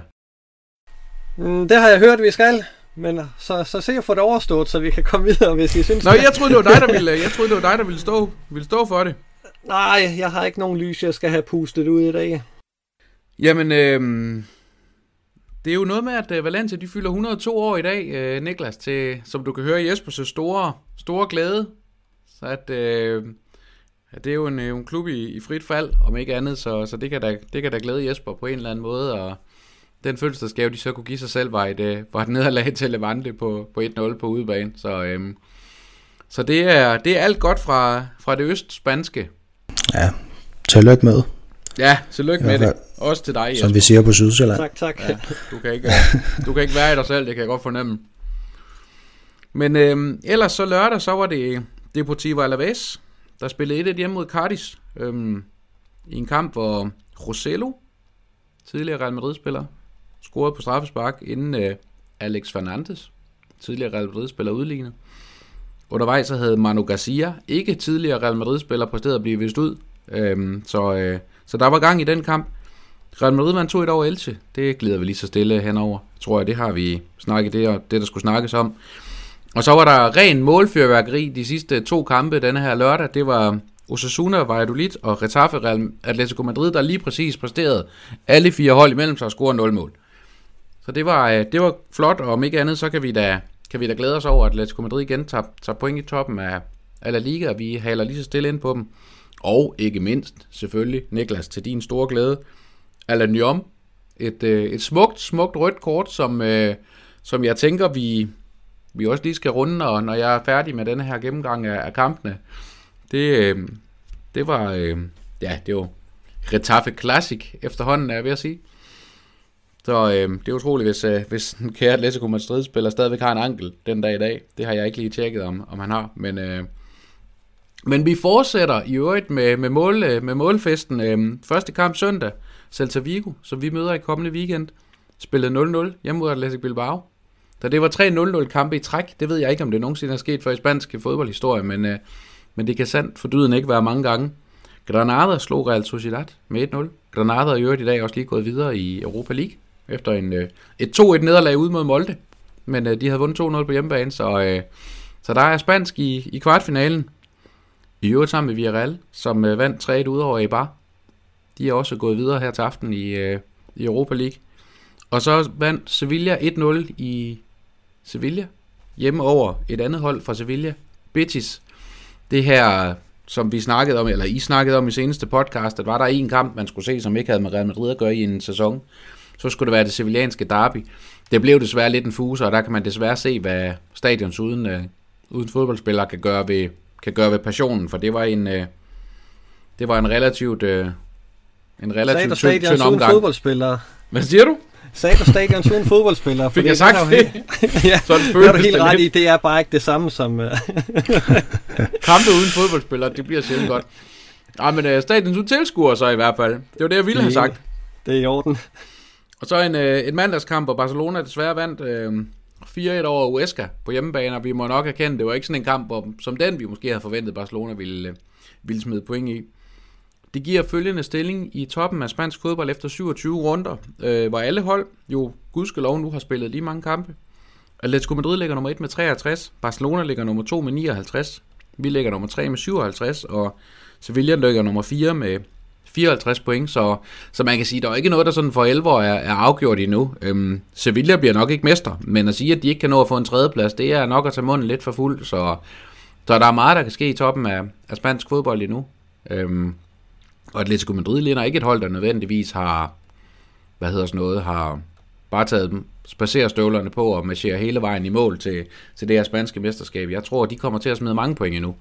Så kunsten er, at vi undgår at få flere elche nedsmeltninger, eller den vi havde i, i weekenden, hvor vi blev reddet af gong til aller, aller sidst. Men øh, vi skal jo have givet de her koringer, Niklas og Jesper. Øhm, jeg synes egentlig, vi skal, vi skal starte med, med vores krak, eller med jeres krak fra seneste uge. Niklas, hvem, øh, hvem har du peget på, og hvorfor? Jeg har peget på Luka Modric, øh, som så vanligt. Øh, det har jeg gjort, fordi at han øh, i den første kamp mod Elche, der kommer han ind og, og, og er med til at ændre kampen, synes jeg. Øh, en kamp, som vi jo ender med at vinde, og så i, i i tirsdags i Champions League, der er han jo fuldstændig fantastisk, altså er 35 år og bliver bare ved med at levere øh, på, topniveau. Altså, jeg, jeg synes, det er vildt, øh, at han stadig er så, så stabil i virkeligheden og, og kan præstere i, i alle de største kampe.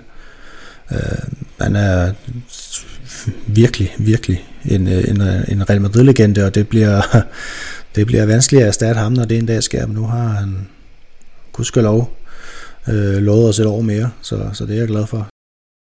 Jesper, du vil et andet sted hen på Real Madrids hold til den her position? Altså den her koring hedder det. Ja, jeg kan ikke komme uden om, om Benzema, fordi øh, han er ekstremt afgørende i øjeblikket, og han har fundet ind i en, en rigtig flot steam, og, og havde det jo ikke været for, for hans to mål i weekenden mod, mod LTM, så, så havde vi jo nok været mere eller mindre afskrevet fra, fra det her mesterskabs øh, halløj, så, så han, er, han er virkelig skarpt spillende i øjeblikket, og, og, og jo helt afgørende for vores offensive spil. Ja, men inden vi, vi lige kort den her krak, Jesper, så kunne jeg egentlig godt tænke mig lige at lade dig, lade dig snakke lidt og tage din, uh, tage din dandy, fordi så kan det være, at uh, der måske alligevel er noget, der løser sig. Ja, fordi der har jeg nemlig, nemlig Luka Modric, øh, fordi jeg er lige så imponeret af, af ham, som, som Niklas er, og, og, og, og som mange andre også er. Han er ekstremt elegant og, og fantastisk spillende i øjeblikket. Han, han sagde efter kampen øh, i, øh, mod Atalanta her, han føler som, som en 27-årig. Og, og det er jo rigtigt, der er jo ikke nogen, der kan se, at han er, er fyldt 35 år. Jeg ville ønske, at vi kunne have ham otte sæsoner med. Det kan vi nok desværre ikke, men jeg vil nyde hver eneste kamp, vi har med ham. Det er, er lækkerier på højt plan. Ja, man må sige, han, øh, han har om nogen været personificeringen af, af Real Madrid de sidste mange år, og at kalde ham legende, Niklas, er nok ikke helt forkert i hvert fald. Øhm, på din dandy-plads har du, øh, gider du ikke have en spiller med? Øh, jo, det gad jeg måske godt, men jeg har taget øh, Zinedine Zidane, og det har jeg for, for ikke bare en, men to fejlfri Champions League-kampe for Real Madrid, øh, hvor tingene virkelig flasker sig, og, og det, er, det er jo ikke en mand, der får specielt meget ros i medierne, det har vi også været inde på før, øh, men, men det, det synes vi jo, at han fortjener, og han er måske ikke helt tabt banevogn, når det, når det trods alt kommer til, til, trak, tak, øh, til taktikbrættet, som... Øh, som mange ellers gerne vil have det til at lyde som. Altså det, hvis, hvis man skulle tro på, hvad folk siger, så øh, møder han jo stort set bare op på, på gammeldagen og siger, hvilke 11 der skal spille, og så klarer det den selv, ikke? Men, men det, det er nok ikke hele sandheden, trods alt. Øh, han får sat det her hold op til, til begge de her kampe her, øh, mod Atalanta, til, til altså, ja, fuldstændig pælpynten af dem. De, de, de har jo ingen chance for at gå videre for de her to kampe her. Øh, så jeg har valgt at rose ham i den her uge. Jamen uh, Jesper, øh, Zidane, hvor, hvor, hvor, hvor, hvordan smager han i din mund? det, det kunne du tænke dig at vide, var. Han er en fantastisk træner, det er det, jeg vil forholde mig til øh, i dag, øh, og, og jeg synes, at det, det var et slag i ansigtet på dem, der, der påstår, at han ikke kan noget taktisk. Igen et slag i ansigtet på dem. Han, han, kan taktisk sagtens være med i, i forhold til, til de store trænere. Altså den måde, han, han kan, kan skifte formation på, og, og den måde, han kan, kan ændre hold på, øh, det, det, det skal ikke undervurderes. Han er en dygtig træner. Jamen, øh, så tænker jeg, at I skal have lov til at slås om, hvem der skal være krak, og hvem der skal være dandy. altså for min, for min skyld kan vi godt gå med Jesper, så, øh, så får Modric sten i hvert fald. Det er jeg glad for. Så Modric som... Dandy. Nå, og så øh, Benzema som, øh, som krak. Ja. Jeg tror du er ved at kåre Jesper som et eller andet lige nu. Det, det, var, det var jeg, de ja, ja, ja, det kommer. Ja. Det er faktisk sjovt, du har skrevet både ham og Daniel længere ned på din, øh, den liste, du sendte til mig, Niklas. Men, øh, men det kan vi jo så tage nu, fordi nu hopper vi i den lidt mere kedelige kategori. Øhm, Vejer Dia netop. Niklas, du har ikke skrevet Daniel. Nej. Jeg har skrevet Adidas. Og nu kan, Jasper, nu vil jeg lige sige på forhånd, at nu kan du lige læne dig tilbage lige så stille, og lige lade, bare lade, lade Niklas snakke et stykke tid, tror jeg. Ah nej, det er først på Dodo. Øh, min Vejer Dia, den giver til Adidas, og det er simpelthen for Real Madrids nye trøjer. Det, for mig er det, er det bedre held næste gang, vil jeg sige. Jeg synes, de er afskyelige. Jeg ved ikke, hvorfor vi skal have orange og alt muligt indover i, i mærkelige farvesammensætninger. Det, altså, det burde ikke være så svært. Blå og hvid. Eller lilla og hvid. Færdig. Arbejde. Er du lige så, er du lige så meget for den gamle skole, Jesper? Ja, jeg vil nok sige, øh, hvad hedder det, dengang vi havde Teka som, øh, eller Kelme som, øh, som sponsor, der, der var der noget ved trøjerne, men, men det er efterhånden øh, et, øh, et par år siden. Der, der, der kunne godt øh, arbejdes lidt på detaljen på de trøjer her, så, så de, de bliver rigtig flotte. Og det du selvfølgelig refererer til, Niklas, det er jo den her lækkede trøje for den kommende sæson. Ja, den, øh, man kan se den på diverse sociale medier, og den er forfærdelig. Altså, vi kan så trøste os med, at det er Barcelonas også. og, det, og, det, og, det, og, det, og det uanset hvordan designet er, det er jo noget med farvesammensætning. Ja, ja, det, ja der, den, den er selvfølgelig grim fra starten af, men den er så ekstra grim i år. Ja, men det, det, ved du hvad, det er rart, hvis, hvis man selv er ved at gå øh, ved at falde ud over kanten, at man ikke gør det alene. Det, øh, det kan man glæde sig over. Øhm, og det, så har du ret, Niklas. Jeg var en postgang for langt fremme med din, øh, din serade, så den øh, får du lige lov til at, til at vente lidt med. Øhm, apropos Barcelona, Jesper, hvad Dia? Ja, nu skal det ikke øh, komme til at blive sådan, at jeg hver eneste gang, at vi har de her kategorier, jeg så render med, med Barcelona og Vaja Dia, men, men jeg synes, øh, Juan Laportas øh, problemer med at, at stille øh, den endelige bankgaranti på, på 125 millioner euro, det, øh, det kunne han godt have styr på lidt før. Altså det er nærmest blevet en, en farse undervejs, at, øh, at han virkelig har været vidt omkring for at få, øh, få den, øh, hvad hedder det, den her bankgaranti stillet. Nu er den så endelig på plads, øh, og, og det, det er blevet lidt øh, med nogle af de betingelser, som, som øh, Florentino Perez har, har sikret sig ikke kan, kan komme til at ske i, i, i Real Madrid med, med de øh, vedtægtsændringer, han lavede for nogle år siden.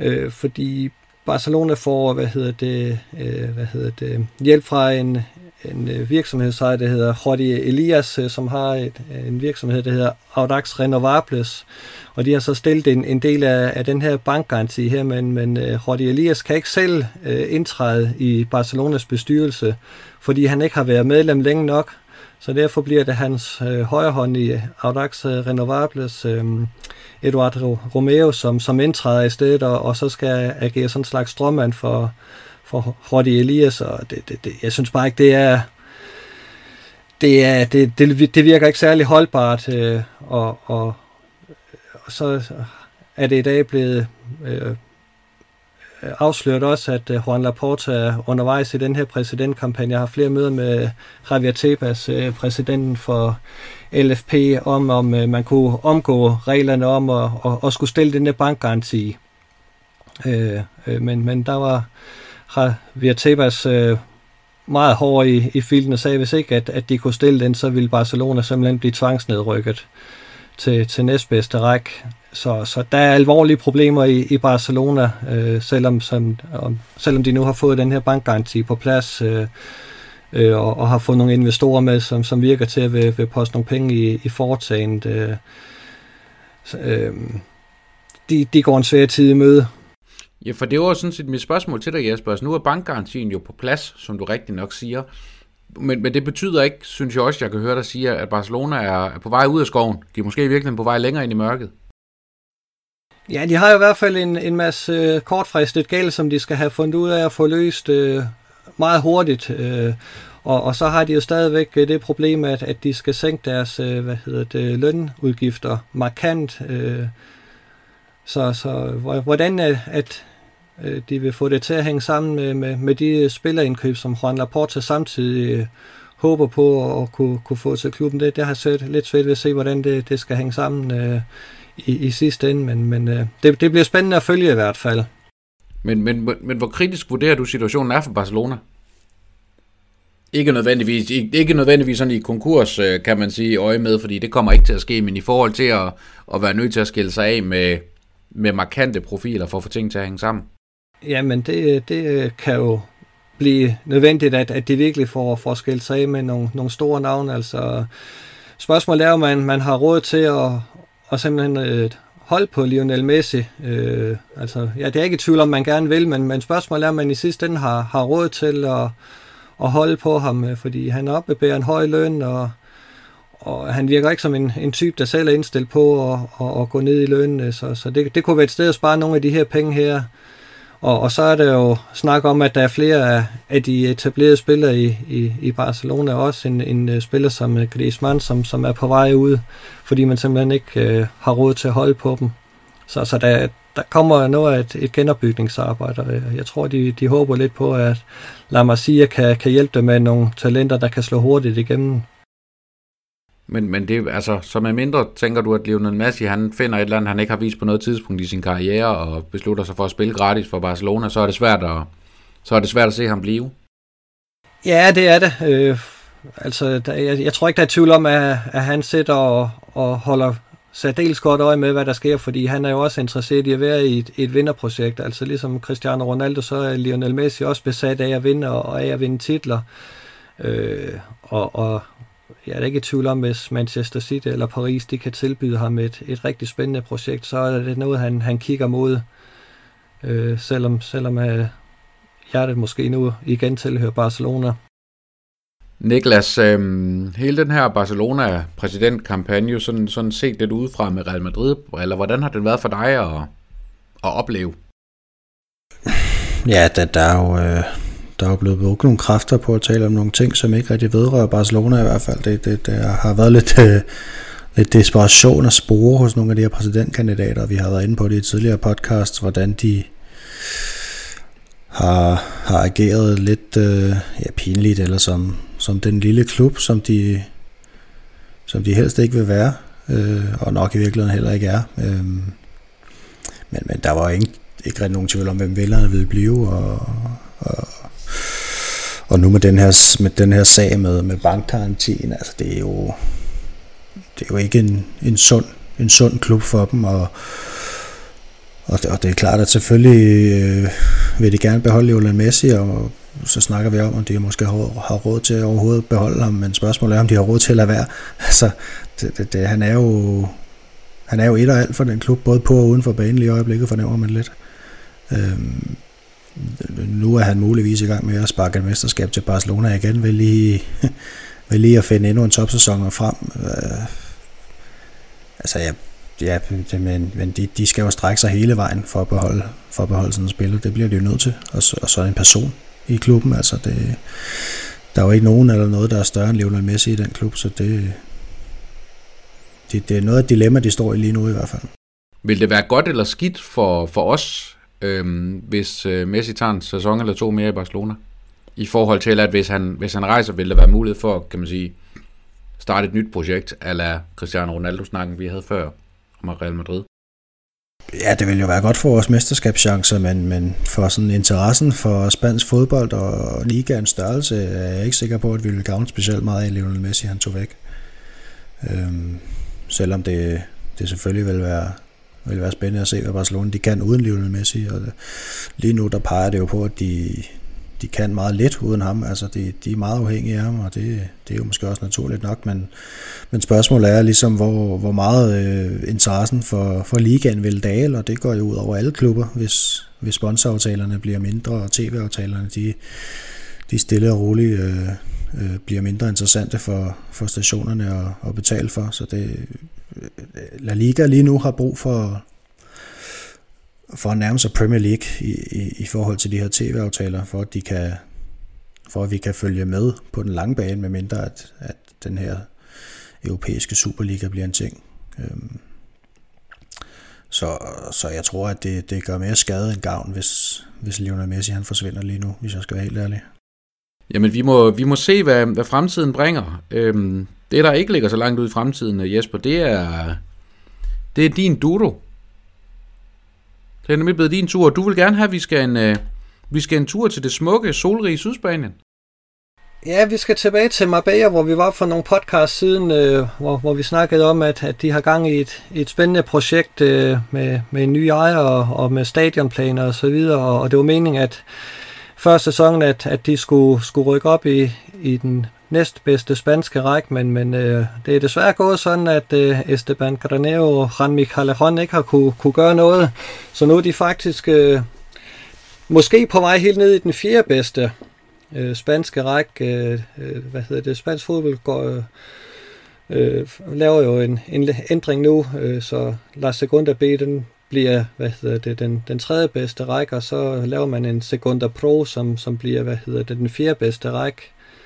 Øh, og, og den, øh, der sikrede Marbella sig en plads i nedrykningsspillet i, i den forgangne weekend her, og det er jo langt fra de planer, man havde med, med holdet. Øh, øh, så, så en stor skuffelse for, for Marbella og deres øh, stadionplaner og, og så videre, men, men, men heldigvis øh, har hvad hedder det, deres ejer lovet at, at blive i klubben, og, og han har også lovet, at øh, de fortsætter med, med stadionprojektet, uagtet at, øh, at de skulle ryge ned i, i den fjerde bedste spanske række, men øh, der er et langt stykke vej op øh, til, til det bliver rigtig sjovt for dem. Desværre, for det, det var et spændende projekt.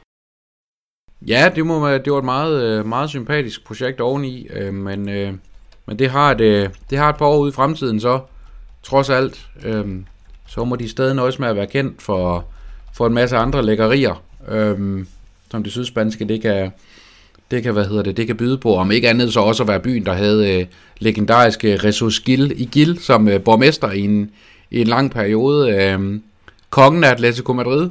Øh, oveni. Så, øh, så ja, det, er, det kan man sige, det er jo... Lad os håbe, de ikke går ned ad den sti igen, trods alt. Øh, men øh, ja, men øh, det var rart lige at komme, øh, komme omkring danskernes yndede ferieby nummer et på, på det spanske fastland. Det, øh, det skal du heller ikke være for fin til, Jesper. Nej, det manglede der bare. Ja, det, det har du, og både, både statur og, og hudfarve til, og fint at kunne, kunne falde ind i det segment. Så, øh, jeg passer lige ind i en grisefest, det kan der slet ikke være tvivl om. Ja, det kan vi hurtigt blive enige om. Niklas, for mm. helvede, så skal vi til det. Ja, desværre.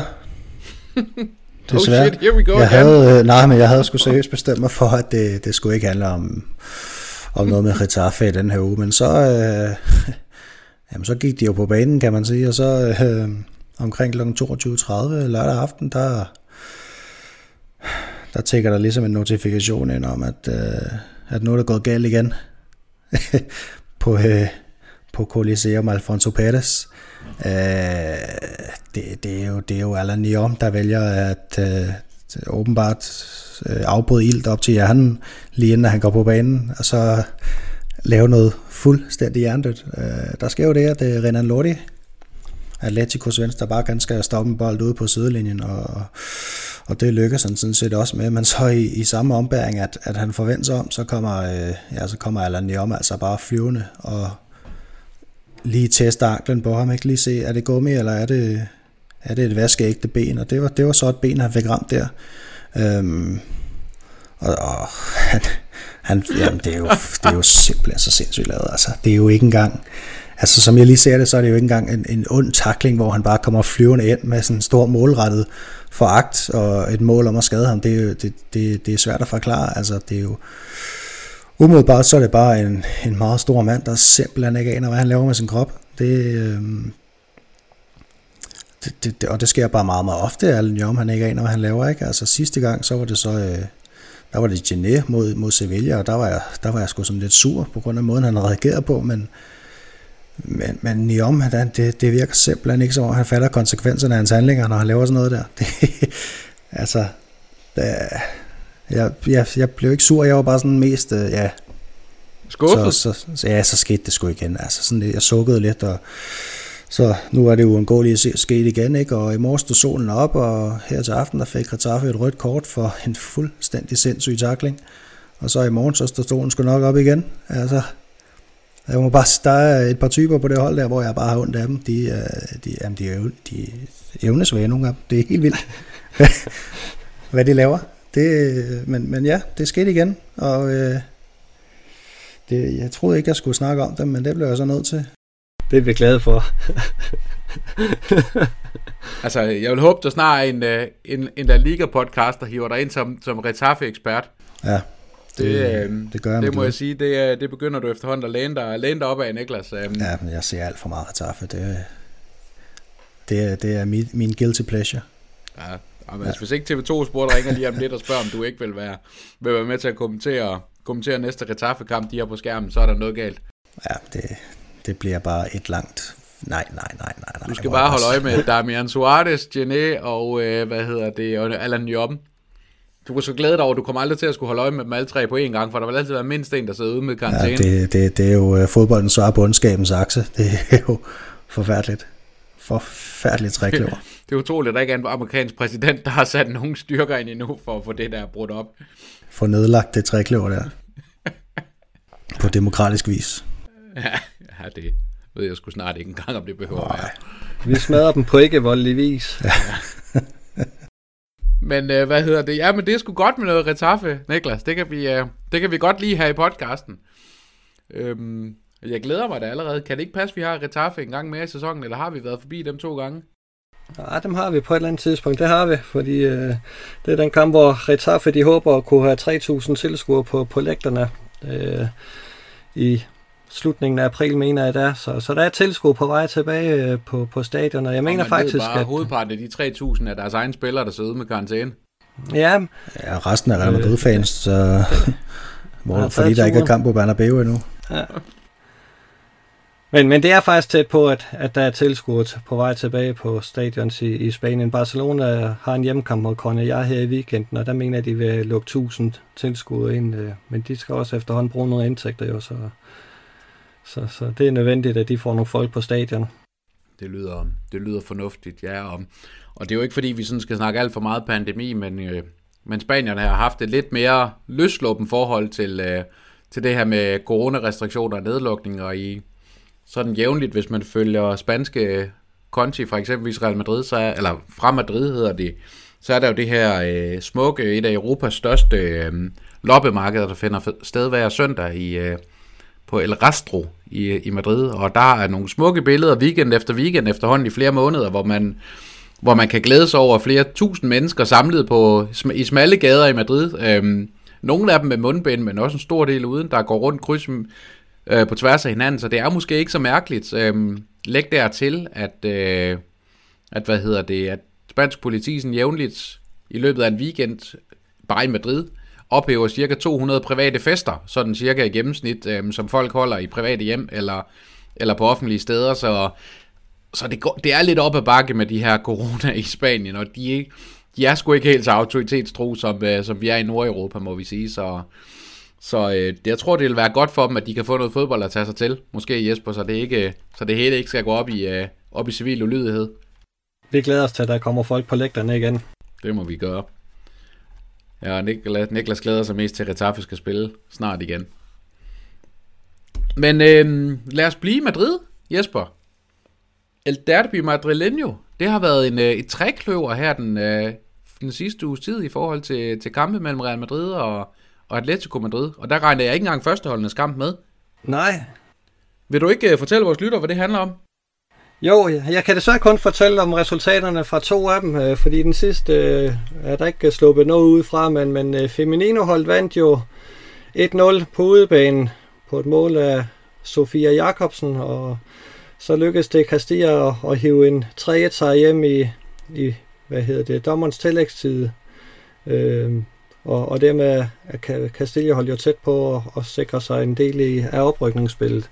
Men så var der min sanden øh, møde i udkanten af Madrid et eller andet sted, hvor 10 øh, Ultrasur og 10 Atletico Madrid fans øh, mødtes til en slåskamp.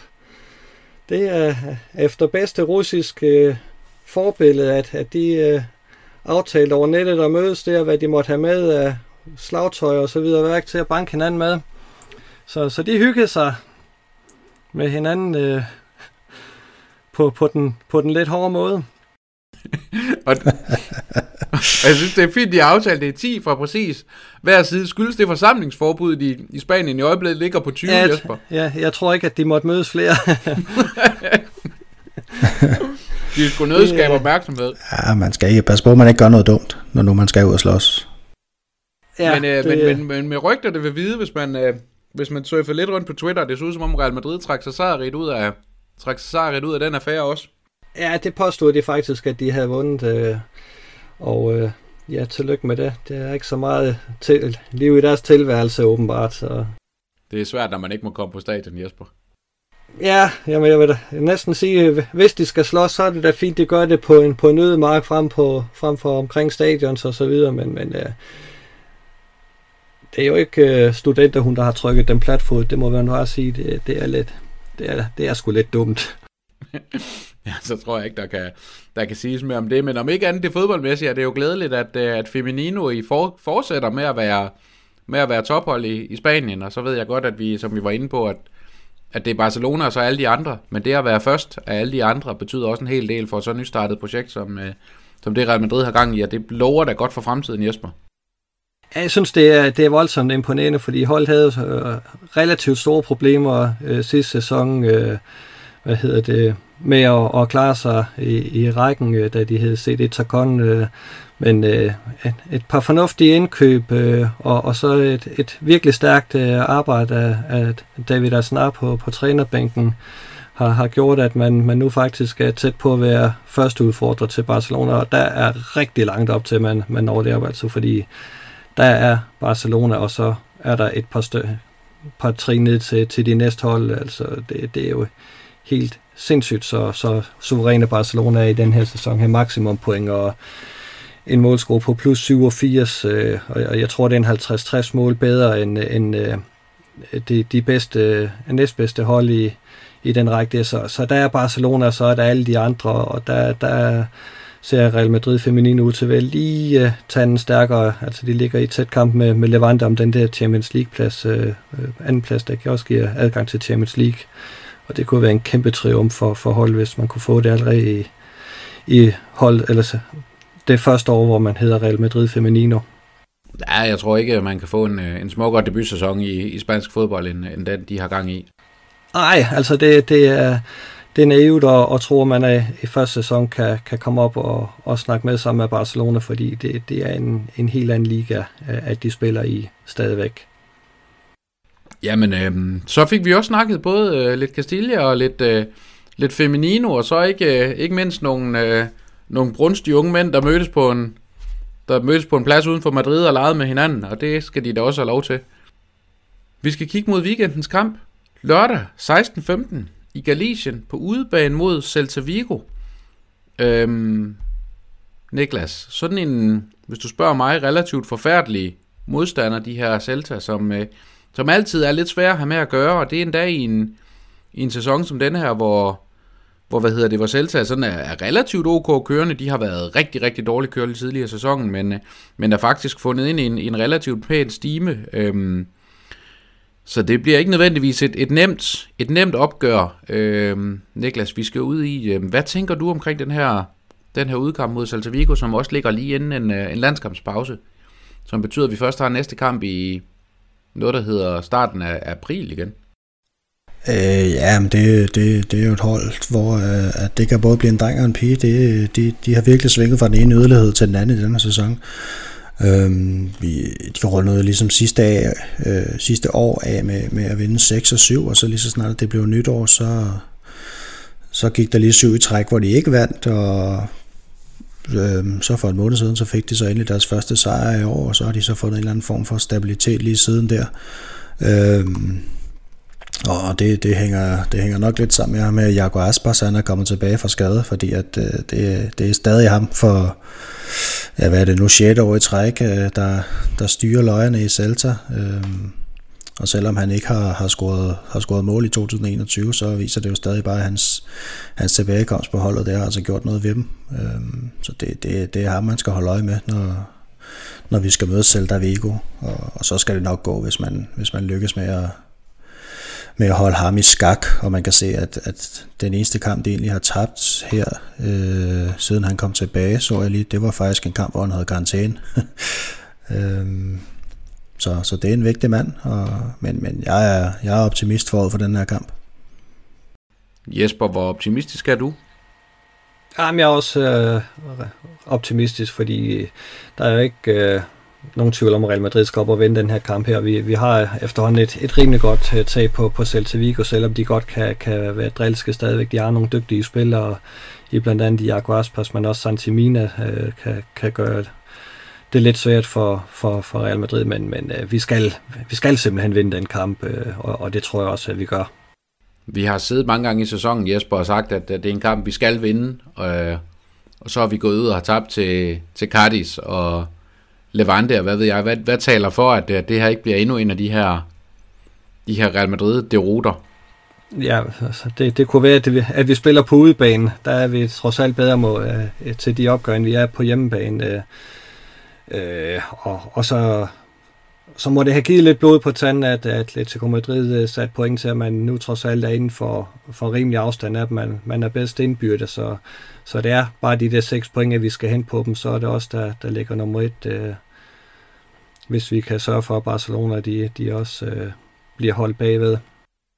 Ja, lige præcis, lige præcis. Og, men altså, Iago Aspas, 33 år i mand, har scoret 9 mål og lavet 8 assist i 23 kampe i indeværende sæson. Så, øh, så Niklas, du har ret, når du peger på, han er, øh, han er det helt store navn stadigvæk i galisisk fodbold, og, og vel efterhånden den største, den største spiller, der har, har spillet for Celta Vigo, er jeg lige ved at sige. Han, øh, han er gigantisk navn på de kanter. Så øhm, det var efterhånden det, vi skulle forbi, men øh, det der med at gætte på en startopstilling, det tør jeg snart ikke, fordi det går altid galt, at der er nogen, der får en muskelskade fra nu af og så til kampstart, så øh, Azard når formentlig at blive klar i morgen og blive skadet lørdag formiddag eller et eller andet, så det, øh, det, det, må vi hellere, det må vi hellere afstå fra. Han er klar øh. for Juventus til, til september. Det kunne være simpelthen så fint. så kan det være, at de, vi sender, de sender tre valgfri Juventus-spillere den anden vej. Ja. Så skal vi vælge de tre skal helst være nogen, der er alle sammen over 36. Ja, det er overraskende. Men øhm, jeg har lovet jer en lille overraskelse, som er et, er et jomfrueligt forsøg på at lave en, øh, en lille... En lille, det er ikke engang en quiz. Det er mere eller mindre en lille leg, øh, hvor jeg sætter jeres, øh, sætter jeres integritet lidt på spil. I får øh, to ting, I kan vælge imellem hver især. Øhm, og I får ikke lov til at forklare, hvorfor øh, i første omgang i hvert fald. Øhm, så det går simpelthen på, hvad I, hvad I foretrækker af, af to forskellige udsagn, eller to forskellige personer, eller to forskellige ting. Øhm, til din store fortrydelse, Jesper, jeg har jo valgt at holde dig over bæltestedet, så du skal ikke sidde og blive alt for, slægte dig alt for meget af munden der i Odense. Nå, lad os høre, hvad det så går ud på. Jamen, øhm, du får lov til at starte, Niklas. Mbappé eller Haaland? Øh, Mbappé. Jesper, Retaffe eller Valencia? Retaffe. Niklas, øh, Daniel eller Christian? Nej, det er spøj. det... Vil du helst vinde Champions League eller La Liga? Uh, Champions League. Jesper, hvem har været størst uh, træner for Real Madrid, Zidane eller Del Bosque? Åh, oh, det har det har Zidane. Niklas, hvem vil du helst have retur til kommende sæson? Danny Ceballos eller Gareth Bale? Uh, Danny Ceballos. Jesper, hvem, er mest, uh, hvem har mest Real Madrid i hjertet? Abelora eller Raul? den var jeg med i månen. Åh. Ah, Grant Abelora, ham, uh, han er kongen. Niklas, hvem er sværest at undvære i øjeblikket? Sergio Ramos eller Karim Benzema? Karim Benzema. Anden angriber i kommende sæson, Jesper. Luka Jovic eller Borja Majoral? Luka Jovic. Din foretrukne venstre kant, Niklas. Vinicius eller Eden Hazard? Uh, Vinicius. Det var I sgu da meget gode til. Det var godt at få lov til at, til at høre jeres udsagn. Nu er jeg så nødt til at dykke, dykke en lille smule ned i dem. Ja, det tænkte jeg nok. Niklas, uh, Danny Ceballos over Gareth Bale? Ja, det, det er ikke fordi det er nogen voldsomt brugbare spillere, som jeg ser det, men, men han er trods alt billigere i løn, tænker jeg. Øhm, og det må jo så også betyde, at, at Gareth Bale han er blevet solgt, hvis, øh, hvis han ikke spiller i Real Madrid næste sæson. ja, det så kan man de penge. selvfølgelig også se på det. Hvad hedder det, um, Jesper? Hvorfor er Zidane større træner end Del Bosque? Tre CL-titler øh, på, på tre år, det, er, det, det kommer man ikke udenom. Det, det er voldsomt imponerende, og det har Zidane også øh, sin del af æren for. Det var, ikke, det var ikke bare Cristiano Ronaldo, der vandt det til os. Så øh, det, det, det bliver afgørende, men der er ikke, skal ikke siges noget ondt om, om Del Bosque, bestemt ikke. Niklas, hvor ked er du af, over, at du ikke fik spørgsmål om uh, Retaffe versus Valencia?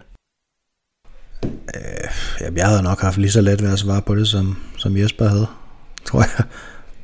Bare, bare modsat.